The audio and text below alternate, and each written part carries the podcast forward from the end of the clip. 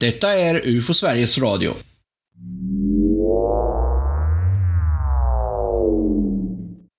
Rapport 2021-185 20 augusti 2021 21.35 Ljungbyhed Observationsriktning norr Höjdvinkel 45 grader Observationen avslutades som när man släcker en lampa. Varaktigheten var 10 sekunder. Vädret klart och vindstilla. Händelse. Stillastående starkt vitt ljussken rakt norrut från min position, cirka 30 grader ovanför horisonten. Trodde först att det var en stark stjärna eller planet som lös extra starkt, tills det att skenet plötsligt spårlöst försvann. Ingen flygtrafik i området.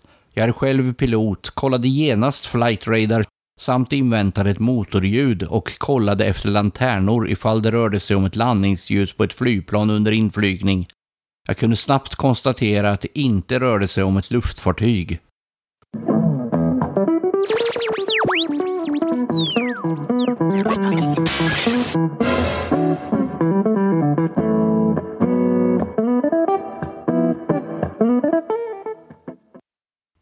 Ni ska återigen vara varmt välkomna till UFO Sveriges Radio och ett avsnitt i serien Rapportcentralen noterar. Idag hör ni mig, Tobias Lindgren och Johan Gustafsson, ansvarig för UFO Sveriges Rapportcentral. Precis som våra lyssnare så önskar jag dig också välkommen till UFO Sveriges Radio, Johan. Hur står det till med dig och hur står det till med Rapportcentralen? Och så måste jag ju undra här, har du hunnit återhämta dig efter den här fältundersökarkursen som vi körde för någon vecka sedan? Jo då, jag är på benen igen. Jag har till och med fått lite tid att återgå till Rapportcentralen. Det är ju faktiskt så att eh, det tar ganska mycket tid och energi för oss att eh, förbereda och eh, planera den här kursen. Det är ganska många timmar som vi lägger ner på just förberedande arbete. Och då får ju en hel del annat av det ordinära regelbundna föreningsarbetet helt enkelt träda åt sidan. Jag har börjat komma ikapp lite där nu igen. Det här vi hörde i introt här, vad kan det vara för någonting? Ja, precis. Det är ju en sån här, vad ska vi kalla det? En, en standardrapport kanske. Vi eh, har ju pratat om det tidigare i podden och ni pratade ju om det i senaste podden här. Varför inte göra en referens till den senaste podden där, där vi säger att det kommer in lite enklare saker? Det är ju så att eh, en väldigt stor majoritet av alla rapporter som vi får in, eh, de går ju aldrig ut på vare sig en fältundersökare eller läggs någon större tid på. Det är ju bara ett, ett mindre antal, en minoritet av alla inkommande rapporter varje år som vi lägger mer tid och resurser på, delegerar till en undersökare i vissa fall och så vidare. Och det här är en sån typisk rapport som du skulle kunna lägga i den kategorin. Precis, det här är ju en eh, sån rapport som tar en ganska kort tid att avhandla för oss. Jag skulle kunna läsa slutsatsen här som du har skrivit till den här rapporten. Ja, du får göra det.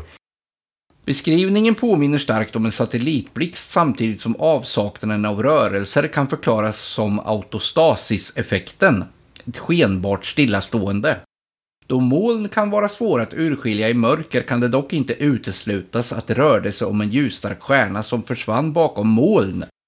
Capella stod vid tiden 12 grader i norr. Rapporten läggs till handlingarna som troligt IFO. Här får du då komma med någon liten förklaring här. Vad menar du med den här sista på slutet här? Rapporten läggs till handlingarna. Troligt IFO. Ja, precis. Vi har ju lite olika beteckningar som vi tillskriver rapporter. Troligt IFO, alltså IFO är ju kort för identifierat flygande objekt. Då. Och eh, här menar jag då att eh, den här beskrivningen, den här rapporten kan ges en trolig förklaring i form av antingen då en satellit eller möjligtvis en stjärna. Mest sannolikt då Capella. Och eh, så här ser det ju ofta ut då. Om, det här skulle du kunna kalla en mängdrapport. Alltså det här är en väldigt typisk enkel sak som kommer in. Ja, mäng, mängdrapport. Så många rapporter om ljusfenomen som uppfattas som egendomliga, beter sig lite egendomligt.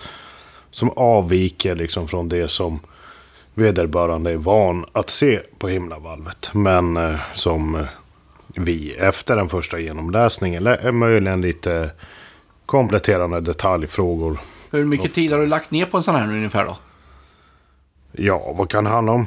30 minuter kanske? Det är så pass i alla fall. Ja. Du har gjort några kontroller, kollat stjärnor och planeter och, ja, och den biten. Lite sånt. Sen ska Du har även man- gjort här som rapportören kanske kollade i, i flight radar och så. Men eh, då ska man ju känna till också att eh, i den här halvtimmen så ingår det också en del rent administrativa eh, arbetsuppgifter som måste läggas på varje rapport. Så den totala undersökande, utvärderande biten kanske handlar om 15 minuter. Och en sån här rapport kommer alltså då inte de här fältundersökarna till del eftersom den är så pass enkel i sin karaktär. Ja, precis. Den är inte av en sån dignitet.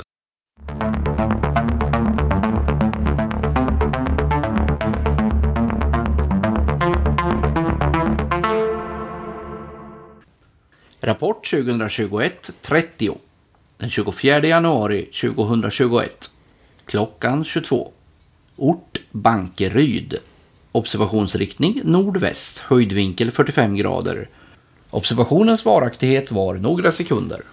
Vädret var mulet och molnigt under mörker. På väg hem från jobbet ikväll vid 22-tiden och jag körde min bil och i Flaskebobacken utanför Bankeryd som ligger nordväst om Jönköping såg jag ett stort klot som löst till. Bara en gång. Tänkte först på blinkande vindkraftverk men det kunde det inte vara för det finns inte just där. Och det var mycket större än vindkraftlampa. Kvällen var dimmig och mulen. Jag körde hemåt och jag vet att det finns vindkraftverk med blinkande lampor som man kan se hemifrån men de lös aldrig genom dimman som var. Så var detta lysande klot som blinkade till bara en gång i stort sken vet jag inte vad det kan vara för något. Det är ju väldigt eh, svårt alltså med sådana här rapporter. Det är sekunders varaktighet. Det är bara något ljusfenomen som blinkar till. Sen så är det hela över. Va? Det lyser upp en kort tid. Men det finns några sådana här eh, kompletterande detaljer som jag väldigt ofta får återkomma till med observatörer som skickar in till oss. Och det handlar ofta om eh, sådana här eh, detaljfrågor som folk själva inte tänker på. Som storlek och rörelsehastighet och sådana där saker. Och då, då är det ju ofta så att det vi vill veta det är ju egentligen inte hur stort föremålet var enligt deras gissningar. Det får man ju ofta. Jag skulle tro att det var 300 meter bort och kanske 20 meter. Sådana uppgifter är ju egentligen ganska oanvändbara för att det, det är omöjligt att uppskatta sådana detaljer. Så det vi vill veta det är hur stort var det här som du såg i ditt synfält? Hur stor del av synfältet upptog det? Men du har ändå gjort några kontroller här. I det här, just i det här fallet. Lite grann har jag ju gjort här. Och eh, det jag bland annat har gjort är ju att jag har mejlat observatörerna om de här, en av de här detaljerna. Dels så frågade jag ju om, eh, om nyansen då på det här ljuset, för den framgick ju inte.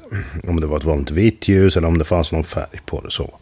Och sen eh, har jag ju bett den här personen jämföra hur stort det här hon såg var jämfört med eh, fullmånen. För det är en sån här referens som är väldigt användbar som jämförelse. Den har alla sett och alla har en uppfattning om hur stor den är på himlen ungefär. Va?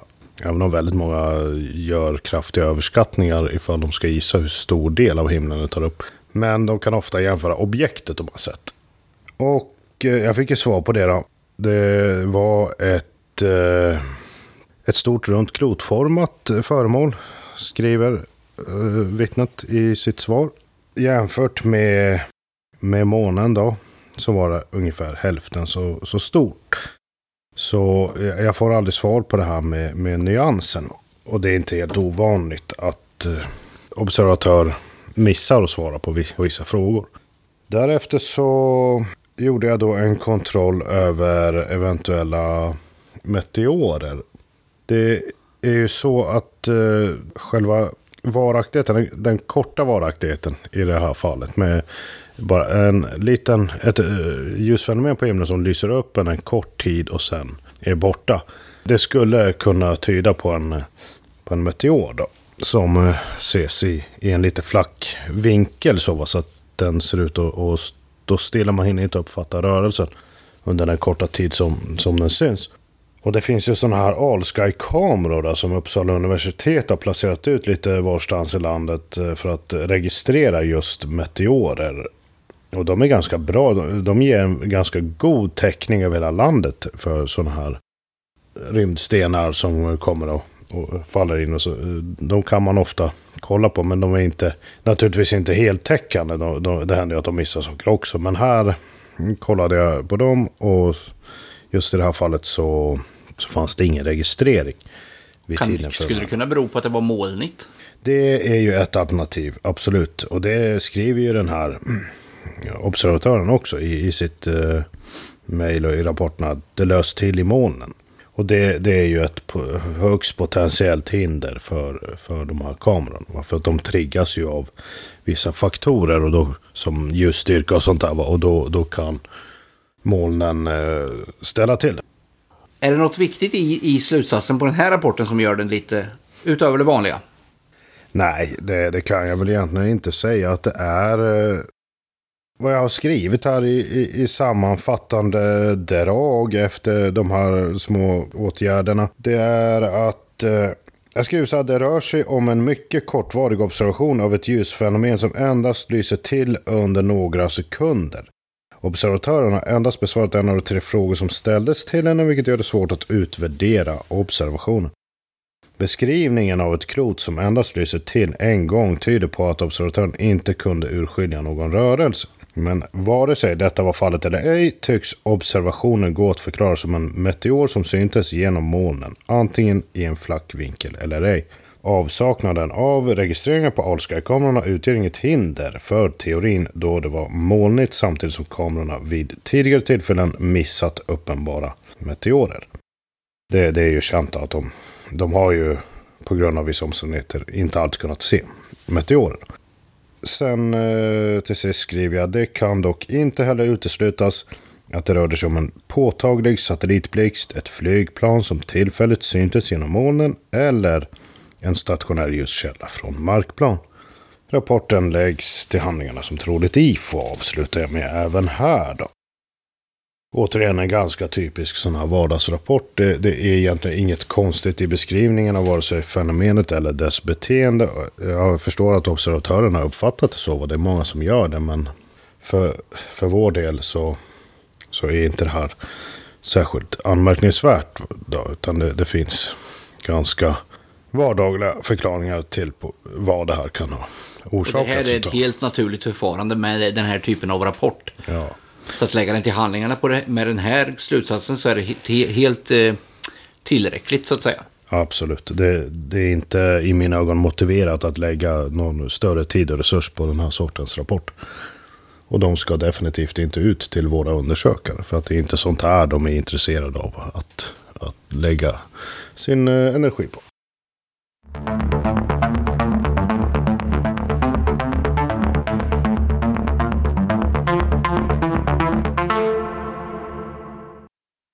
Rapport 2021-134 27 juni 2021 Tidpunkt 20 minuter över midnatt cirka. Observatören är inte helt säker här. Ort Täby. Observationsriktning söder, färdriktning vänster. Höjdvinkel 45 grader. Observationen slutade genom att den tonade ut och den höll på i cirka 10 sekunder. På väg hem i en vägkorsning omkring 20 minuter över midnatt råkade jag titta upp mot den relativt ljusa natthimlen, ungefär i söder, och jag trodde mig kanske se Jupiter som under några dagars tid har synts med blotta ögat. Döm om min förvåning när Jupiter blev mindre och mindre, sedan rörde sig en bit bort, en kort bit åt vänster, för att slutligen försvinna. För några månader sedan såg jag någonting liknande på natthimlen i samma kommun, men i det fallet försvann stjärnan, planeten, ljuspunkten utan att först röra sig i sidled.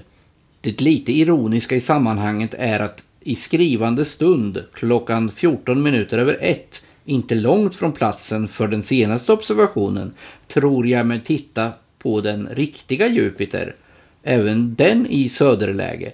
Alternativt kanske det rör sig om Saturnus. Oavsett vilket beter sig den ljuspunkten som förväntat. Vad säger du om den här rapporten Johan? Mm, det är ju då någonting som eh, personen har sett under 10 sekunder ungefär. Det är ett mycket kort förlopp återigen. Det är ju inte sällan så. Det, ser det handlar ju om minuter i många rapporter också. Men just sådana här kortfattade rapporter får vi ganska många utav. Och det skulle väl tala emot en planet, eller vad säger du? Ja, det gör det absolut. En, eh, en förklaring i form av en stjärna eller en planet brukar ju karaktäriseras av att den är synlig under ganska många timmar. En hel kväll. Nej, det här är ju, skulle jag säga, en typisk sån här satellitobservation. Det är vad vi kallar för satellitblixtar. En eh, satellit syns ju från backen på grund av att den eh, reflekterar solljuset på den höga höjden. Och det spelar ingen roll hur mörkt det är nere hos oss. För de, de är ju så högt upp så de blir ju träffade av solljuset ändå. Och så kastar de reflektionen ner mot markplan. De har ju sådana här solfångarpaneler på sig. Och eh, då ser vi dem som ja, små stjärnliknande punkter som vandrar fram över himlavalvet. Men ibland så lyser de ju starkare också, ofta är de väldigt svaga. De kan flasha upp och bli ganska så ljusstarka under en kortare period. Och sen så när de kommer ur den här vinkeln då mellan solen, solsatelliten och, och, och observatören. Den ska ju ligga lite rätt för att man ska se den. Då, då tonar de ner va? och så småningom så går de ju ofta in i, i jordskuggan och försvinner av den orsaken. Så det som den här personen har beskrivit här, det är väldigt karaktäristiskt för en, en satellitblixt. En, en tillfälligt och kortvarigt upplyst satellit helt enkelt. Men lägger du ner någon energi på att ta reda på exakt vilken satellit det var i ett sådant här fall? Eller nöjer man sig med att det är en satellit? Nej, det gör jag inte. Vi kan ju nämna det i sammanhanget att under mina första år på Rapportcentralen, de första tre, fyra åren, då, då gjorde jag ju det. Då satt jag och specifikt undersökte varje sån här rapport och letade upp, eh, alltså sökte rätt på vilken satellit det handlade om, sökte rätt på varje enskilt flygplan och så vidare. Det måste ha varit en mycket lärorik period. Det var jättelärorikt och bildande. Men för några år sedan så, så införde ju vi en ny arbetspolicy på, på mitt eget initiativ då, på Rapportcentralen om att eh, vi ska inte längre lägga den tiden på den här sortens rapporter. För att eh, det har vi gjort så många gånger och eh, våra initiala hypoteser visar sig nästan alltid stämma. Va? Så att vi, vi kände oss helt enkelt trygga med att vi kan utgå ifrån dem. När en sån här rapport kommer in till UFO Sverige idag då ges den bara en, en kort sammanfattande utvärdering. Och det är det jag har gjort i i det här fallet. Och det spelar ju egentligen ingen roll om det är Cosmos 855 eller ett flygplan som vilket som helst. Nej, utan eh, kan man konstatera att beskrivningen av det här är helt karaktäristisk för en satellit. Då finns det ingen anledning att ifrågasätta att det ska vara en satellit. Sen vilken satellit det är, det är oväsentligt. Men om nu den här observatören skulle vilja veta det, då, det, då har vi egentligen inga problem att ta reda på det. Nej, det kan ju vara möjligen i, i den sortens rapporter om, om de blir väldigt frågvisa och nyfikna så, så kan man ju hjälpa till och, och försöka ta reda på exakt vilken det är. Och det finns ju eh, verktyg för det. De allra flesta blir ju nöjda med att få veta vad det är de har sett och då räcker det med att du har sannolikt sett en satellit. Ja, precis. Många tycker nog att det är ganska häftigt att det är så pass knastertorrt som det är det här, det vi håller på med. Att det är verkligen eh, detektivarbete, även om vi generaliserar och gör det lite enkelt med vissa rapporter. På grund av den erfarenhetsbank vi sitter inne med. Så kan det säkert vara att, eh, att det finns en skara lyssnare som, som även tycker att, att de bitarna är roliga.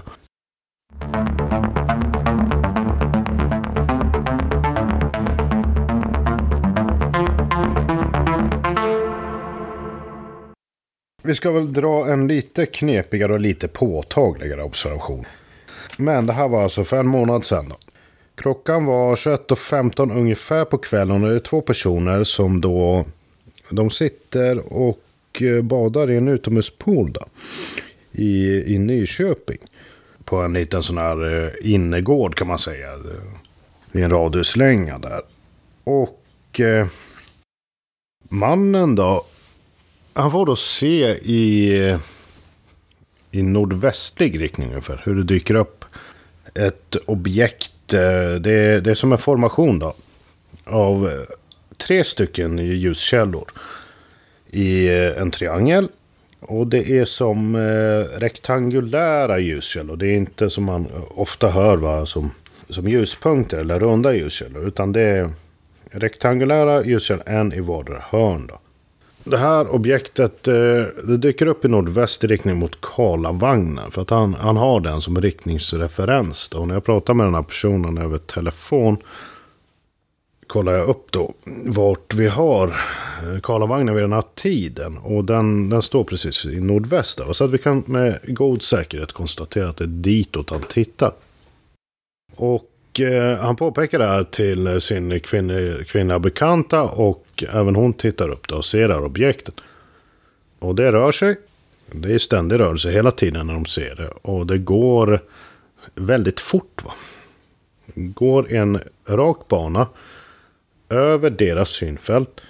Korsar i princip hela synfältet här bort i en sydlig riktning. Går då hela tiden i väster sett från deras position och i en nord sydlig riktning. Så det försvinner söderut där efter en stund.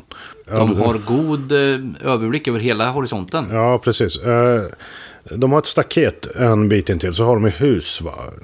en bit eh, ifrån sig. Så att den, den är ju inte jättegod. Så de har inte full horisont. De har inte fri horisont på något sånt vis. De har ändå Men mycket har- himmel att se. De har mycket himmel. Och Karlavagnen den stod inte så jättelågt. Va? Den stod på en 30 grader ungefär över horisonten. Så att eh, de ser ju uppenbarligen så pass då, i alla fall. Det går eh, ganska fort det här. För det tar bara en, eh, en 4-5 sekunder ungefär då. För Alltså hela resan från när de ser det tills det försvinner bort. Ja, jajamän, jajamän. Det går på bara några sekunder. Så från nordväst då. Karlavagnen dyker upp tre stycken ljuskällor. Rektangulära, vita i nyansen. Sannolikt. Han var inte helt hundra på den punkten. Men säger till mig att, att han kan inte minnas att de hade någon annan nyans i alla fall. Så de, de, förefaller ha varit vita. Va?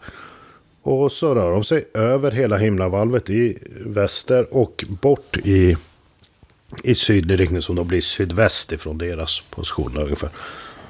Och där tonar det här objektet bort. Det, det, det försvinner liksom, det dimmar ner. Och det uppfattar de här eh, observatörerna som att det går bakom ett moln, försvinner bakom moln. För att de har tidigare på kvällen sett en satellit som korsar himlavalvet. Och den satelliten försvann på precis samma plats, samma del av himlen på samma sätt. Genom att tona ner.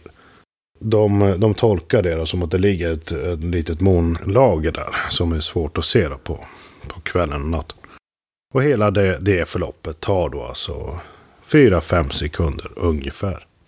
Men de ser lite mer, de tycker också att de, de kan se någon form av sammanbunden del mellan de här ljuskällorna. Det är som det går nå, ja, som en linje nästan emellan dem. Va? Observatören då, mannen i, i sällskapet. Han, eh, han eh, jämför det här, och det är väldigt vagt som de uppfattar just det här. Då, de här ja, sammanbindande delarna mellan ljuskällorna. Men han, han jämför dem med, med stag då. Alltså som vajers ungefär. Så, va, som skulle sitta mellan dem. De skapar sig ett mönster så mellan de här ljuspunkterna som, som skulle hålla dem ihop alltså. Ja, det är så Ja. man kan säga. Så en, en liten sån, eh, en, en vag sån uppfattning fick de. Det är, det är observation i sin helhet. De hörde inget ljud ifrån det här. De, de såg ingenting bak till. Det var liksom inga utblås, inga strimmor, ingenting sånt. Och den lös då i ett konstant sken. Det var inga blinkande lampor, det var inget pulserande, ingenting sånt. Och det är ju då, som ni förstår, mörkt när de ser det här. Det är ju kvart över nio på, på kvällen i september. De är inte, inte helt säkra på tiden här, men eh, relativt. Det, det skulle ha varit någonstans där mellan 21 och 21 och 15. Vad får du för intryck först av, av en sån här iakttagelse? Den är ju lite mer än, än det vi drog exempel på här nyss. Jag tänker mig att det går ju väldigt fort. Alltså det, skulle, det går ju mycket, mycket fortare än vad satelliterna har gjort. Säger de något i det, hastigheten själva, jämförelse? Eftersom Ja. de tidigare sett en satellit. Då. Ja, inte med satelliten, men jag bad ju honom jämföra med ett flygplan. Det är någonting jag ofta använder mig av. Satelliter är det få personer som har sett. De här hade ju gjort det då, men alla har sett ett flygplan på normal flyghöjd, alltså på 10 000 meter ungefär. Och där, de går ju väldigt långsamt. Fast Man har, en, man har en idé om hur lång tid det tar från när man ser det tills det försvinner Ja. på andra sidan himlen. Precis, det, man har en idé om det, det som kallas för vinkelhastighet. Alltså hur, hur fort det går för ett objekt att korsa himlen. Och det här gick ju då många gånger fortare än, än ett sånt, ett flygplan på hög höjd. Man får se en fingervisning också av att de ser det i nordväst, tappar det i sydväst och det går på bara några sekunder, 4-5 sekunder. Det, det innebär ju att det här går ju fort va. Det är ingen långsam grej. Vi kan ju titta lite grann på, på hur, hur jag har jobbat med den här. Då.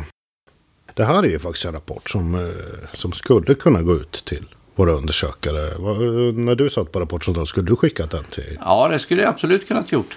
För det är ju lite mer att bita i här. Man, man, man, jag ser att det finns saker att ta tur med. Så att den inte, om man skulle skickat ut en, en sån här tidigare rapport som vi pratade om, då skulle den ta slut jättefort. Alltså man skulle komma till en slutsats ganska fort. Och då är det inte lika, det är inte lika intressant. Precis. Alltså de- det kräver, man, man behöver ju ge det lite mer matiga grejer. Ja, någonting som, eh, som förtjänar att arbetas lite med. Ja, så man får känna att det är lite att ta i. Jag har kollat eh, flygtrafiken här, men eh, jag har ju fört ett resonemang här innan jag gjorde det. Och det bygger just på hur fort det här objektet korsar himlen. Då. Och även, jag frågade ju observatörerna under, under intervjun där hur, hur stort det här föremålet var jämfört med fullmånen. Och han säger till mig att det, det skulle sannolikt ha täckt fullmånen på längden. Kanske inte på, på höjden så va. Det skulle liksom sträckt sig tvärs över månskivan. Vi har en skiss här också, den har inte du sett än. Men eh, det här är ju då, de ritade ju ner det här bägge två då, både mannen och kvinnan, en tid efteråt. Vad, vad, vad skulle du... Vad är det jag ser på bilden? Jo, jag ser ju triangelformade. Den ena är ju ganska symmetrisk triangel, liksidig skulle man säga. Varav mannens då är mera, vad säger man, den är mera smal och spetsig. Och det är rektanglar i, i de här kanterna, hörnen. Där, eh, där var de ljusa partierna. Precis, det är ju lamporna där. Ja, och de är alltså, De är, de är ju ganska lika alltså, de här grejerna som är ritat ner. Det, det enda skillnaden är ju det du pekar på här, att den ena är lite... smalare. Ja, nej, men den är mycket mer symmetrisk. Den är mer likbent. Ja, utseendemässigt är de ju väldigt lika. Det beror lite på. Man skulle kunna se den ena från sidan och den andra lite från en annan vinkel. Med tanke på att den far över hela himlen så om ögonblicksbilden är precis när man börjar se den eller när man slutar se den. Precis, det kan ju vara flera orsaker till. Vi har ju sett genom åren att eh, två vittnesmål är aldrig helt identiska. Så att det där är helt i sin ordning menar jag. Men för att återgå till eh, det här med flygtrafiken.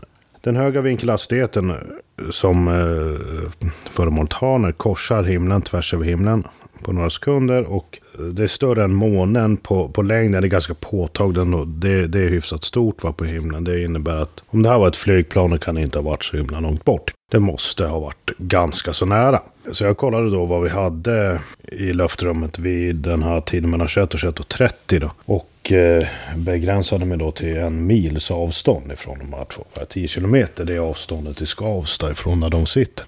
Ja, det startar en kärra. En Airbus A321, ett sånt där vanligt trafikflygplan. Startar från eh, Skavsta och går mot Belgrad klockan eh, kvart över nio. Men eh, den här kärran den stämmer väldigt dåligt. För det, för det första så går han västerut då, efter starten. Man kan se, man kan följa hela starten på, på de här programmen och så ser man hur den går västerut. Den följer den här banan. För de har en bana på Skavsta som går i en västöstlig riktning. Och då kan man helt enkelt inte flyga någon annanstans när man ska upp i luften. Så han startar och går rakt västerut. Och sen så svänger han söderut då. Men det gör han ju en bit senare och då är han så pass långt bort så att eh, det, det är väldigt svårt att se hur den här Den skulle aldrig ha passerat över dem med andra. Det gör den inte. Den, Nej. är, den är alltså 20 kilometer. Den, när den svänger söderut, då befinner den sig mm, ja, mellan Jönåker och Ålberga. Vid någon som heter Rinkebybadet. Det är 20 kilometer väster om observationsplatsen. Och det tycker jag är alldeles för, för långt bort. För att eh, det ska handla om eller för att det ska kunna orsaka en sån här observation. Va? Det, det man kan ju tänka sig själv när vi ser ett flygplan på, på 10 000 meter. Då går det väldigt långsamt. Den här är alltså på 20 000 meter. Alltså på, ja, i avstånd. Den, är, den, den ligger på en höjd på 1800 meter när den går, börjar gå söderut. Och då, då har den en höjdvinkel på 5 grader. Va? Och han såg det här mot, mot Karlavagnen. Karlavagnen låg vid tiden på mellan eh, 28 och eh, drygt 30 grader. Va? Så att eh, det stämmer inte alls med, med det de såg. Va? Den är alldeles för lågt ner på himlen. Den är alldeles för långt bort för att kunna orsaka en så, så hastig observation. Det finns en annan kärra också som går över området. Den går närmre. Men den går ju eh, på fel håll om dem. Då. Den går öster om dem. Så den har de liksom bakom ryggen kan man säga. Vi kollade lite mer då. Vi pratade ju om, eh, om meteorer tidigare. Det är ju däremot någonting som skulle kunna gå så här fort. Va? En meteor eh, kan ju korsa himlavalvet på... Jättekort tid. Ja, det är Ja, det, nej, då är det sekunder vi snackar om. ja absolut. Men allt handlar ju om vinklar och synfält. Men visst, hastighetsmässigt skulle en meteor kunna direkt kunna passa på det. Och en meteor är ljudlös också. Nu tänker sig folk eh, med en gång, ja men eh, det här var ju en triangulär formation och de såg ju sådana här vajers. Men eh, så är det ju naturligtvis. Det, det hyser ju givetvis tvivel om, om en sån förklaring. Särskilt när de är två som ser det och har ritat ner ganska samstämmiga skisser över vad de såg. Men vi har ju sett tidigare va, hur, exempel av hur meteorer och även sådana här återinträden när rymdskrot, alltså satelliter, satellitdelar och, och raketkroppar och sånt går, går in i atmosfären, återinträder och, och brinner upp. Va? Ett liknande men lite mer utdraget fenomen. Då händer det mellan varven att, att de uppfattas på ganska exotiska och feltolkade sätt av flera observatörer. Vi hade ett sånt case på, på 60-talet när eh, ett sånt här återinträde ägde rum. Och det, det var ju en, serie liksom uppbrutna satellitdelar på rad som syntes som en, en rad ljuspunkter kan man säga på himlen. Men det beskrevs ju av en rad olika observatörer som ett tåg som flög fram liksom, eh, på himlen. En cigarr och, och dylikt. Va? Så att, eh, sånt, där, sånt där har man sett exempel på hastiga förlopp av det här viset kan, kan eh, uppfattas felaktigt. På de kameror som finns då, på lite olika platser, jag har kollat alla kameror söder om Kiruna. För att de, de har väldigt eh, bred eh, kameravy. kameraviv, alltså de, de ser jättelångt. Och det finns en meteor vid tiden som har registrerats på två kameror i Uppsala. Den registreras klockan 21 och 42. Det är två kameror. Den ena ligger, eh, sitter på taket på Ångströmslaboratoriet. Den andra är ute vid Sandvretens eh, observatorium. Eh, för det första så det här är ju lite i överkant på tiden. Va? Det, det är ju eh, nästan en halvtimme senare än vad de sa att, att klockan var. Men om vi sträcker oss till det så, ja, även då får vi problem. Va? För att eh, klockan 21.42, när den här meteoren dyker upp, klockan 21.42 så dyker den upp i sydväst. Och eh, den rör sig därefter då emot eh, sydost. Så den är hela tiden synlig i söder. Går liksom i en sned bana i, från, om, om vi blir lite tekniska och snackar azimutlägena så går den från uh, första registreringen sker vid 197 grader och den sista registreringen vid 191 grader. Inte säkert att det säger lyssnarna någonting men det är från... Men har man triangulerat den vet man hur långt ifrån kameran den var. Nej, det har man inte gjort. Så man kan inte säga om den var över dem eller inte. Nej, Med fast, tanke på att, att, att eh, Nyköping är ju söder om Uppsala menar jag. Nyköping Så att det inte, man vet inte avståndet. Nej. Den, eh, den går att att bilda sig en uppfattning om. eh, Meteorer brinner upp på, oftast på, på väldigt hög höjd. Va? Och jag har vinkeln, höjdvinkeln från Uppsala. Ja, den är 32 grader då. 32 respektive, eller 35 i första och sista på 32. Då kan du ändå få någon uppfattning om avståndet. Ja, det innebär att eh, med god sannolikhet så är inte den här grejen i närheten av Uppsala. För att den är ju på, på någon höjd någonstans runt 50 000 meter. Sam. Ja, man kan säga mellan 70 och 30 i alla fall. Någonstans där. Så den är ju den är förmodligen betydligt längre bort än, än Nyköping. Ja, så det kan heller aldrig då ha fart över himlen för, i deras synvinkel? Nej, nej, nej. Det, det, har uh, väldigt svårt att få ihop det till. Så den, den är förmodligen mycket osannolik. Som, så den är avskriven? Ja, och någon annan meteor eller registrering av intresse fanns inte heller på de här kamerorna vid tiden. Jag har, jag har tagit fram molnhöjden eh, vid vid tillfället. Ja, den borde ha legat ifall det fanns något mål. Jag har ju kollat hur det var med det där. För att de uppfattade ju att både föremålet och satelliten som de såg in alltså försvann över det här området på himlen söderut. Eh, där de uppfattade att där borde det finnas moln. De såg ju inga moln va. Men de uppfattade att de försvann på ett sånt sätt bägge två. Som, som de gör när de tonar bakom moln. SMHIs uh, eh, olika stationer som finns runt omkring den här platsen har alla registrerat 0% molnighet. Så det är helt klart där. Och även andra väderuppgifter, mm, väderkällor som jag har kollat med, tyder på att, eh, att det var molnfritt. Men eh, det kan ju fortfarande finnas enstaka moln. Sånt eh, kan ju aldrig uteslutas. Så att det, det, här är absolut ingenting som, som motsäger deras observatörernas uppfattning om att det fanns ett moln där.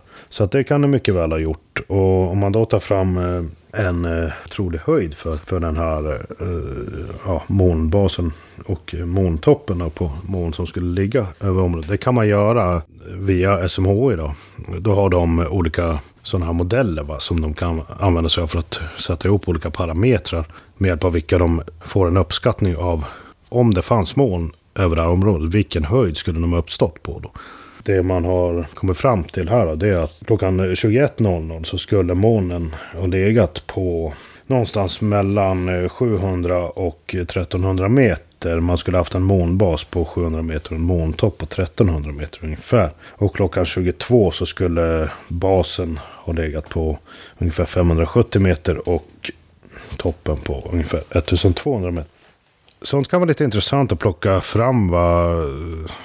För att om den här grejen då försvann bakom ett moln så kan man anta att den eh, har inte legat lägre än eh, 500 meter. Va? Minimihöjden. Eh, om vi antar det, det, det lägsta värdet här var vid 22-tiden. Så skulle den förmodligen ha legat på ja, en bit över 500 meter upp i luften. Det gör ju att andra, vissa andra förklaringar som exempelvis drönare och sånt blir mycket osannolika. Det är ju där vi står nu i, i den här rapporten. Den är ju inte klar än, utan jag håller fortfarande på att arbeta lite grann med den. Vad är nästa moment då som du ska ta i vid? Ja, vi får se vad, vad jag kommer komma fram till. Eh, jag har ju kollat även det här andra som jag nämnde då, med återinträden. Om det fanns något rymdskrot som återinträdde den här den här eh, kvällen. Men det fanns ingenting den 25 september. Det fanns den 26 september. Det var, den, den grejen kraschade. Jag, tror, jag minns att det var ut, över Kalifornien. Eller något. Så att det var inte i närheten. Vi får se vart, eh, hur jag ska gå vidare med det här. Om det kommer att bli några mer åtgärder. Vi får väl återkomma till den och berätta om vad det är du kommer fram till. Ja framtida avsnitt av Rapportcentralen noterar. Det har ju uppdagats, och det kände observatörerna till också, att det pågick militärövningar också över, eh, ja, utanför kusten och lite sånt där vid den här tiden. Så det, det kan ju finnas uppslag att följa upp där med eventuellt. Men du tror att det finns något att jobba med i alla fall? Ja, eh, eventuellt så kan det bli tal om lite fler åtgärder i, i den här rapporten. Spännande.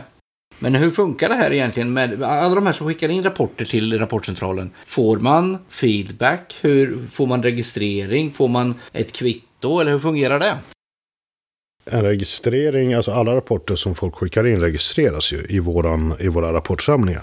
Eh, något kvitto får man ju inte. Det har ju efterfrågats av oss några gånger. Att man inte ska, inte ett kvitto men ett automatsvar. Va? Så att folk vet att deras rapport är mottagen. Och det händer ju att folk hör av sig till mig och till föreningen i stort. Och frågar om det. Va? Skickar in en rapport, vill bara veta att den har kommit fram.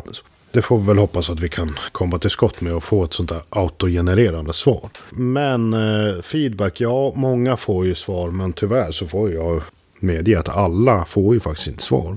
Då får vi väl hänvisa till det vi sa i den förra podden då, att vår rapportcentral är underbemannad. Den är lite för liten. Vi skulle ju verkligen vilja bygga ut den så det skulle bli större. Ja, precis. Ja, jag, jag skulle ju gärna behöva uh, lite mer, mer hjälp och resurser och tillgång än vad jag har idag. Det är ju det vi ska försöka åstadkomma då, med, inte minst med människor från som har gått den här fältundersökarkursen nyligen. Ja, det ska bli kul att sätta sig och gå igenom de här intresselapparna som de fyllde i. Jag har inte hunnit göra det än, trots att det har gått ett par veckor sedan vi hade kurserna. Men eh, vi kommer att göra det och försöka ta tag i återkopplingen med folket där. Men ambitionen är i alla fall att alla ska bli återkopplade och få en, en, ett, ett svar om inte annat. Ja, absolut. Min, eh, min önskan är att hinna svara allihop. Va? Men eh, som det är nu så, så finns det inte alltid tid till det, va? tyvärr. Och då är det sådana här enklare grejer som, som tyvärr inte kommer till... Ja, det är ju de som blir lidande. Till rapportörens till del, ja. Men i det stora hela funkar det väl bra? Ja. Det är väl ett axplock på, på de, den här typen av rapporter som vi har just nu. Absolut, jag tycker vi har dragit av både ja, högt och lågt.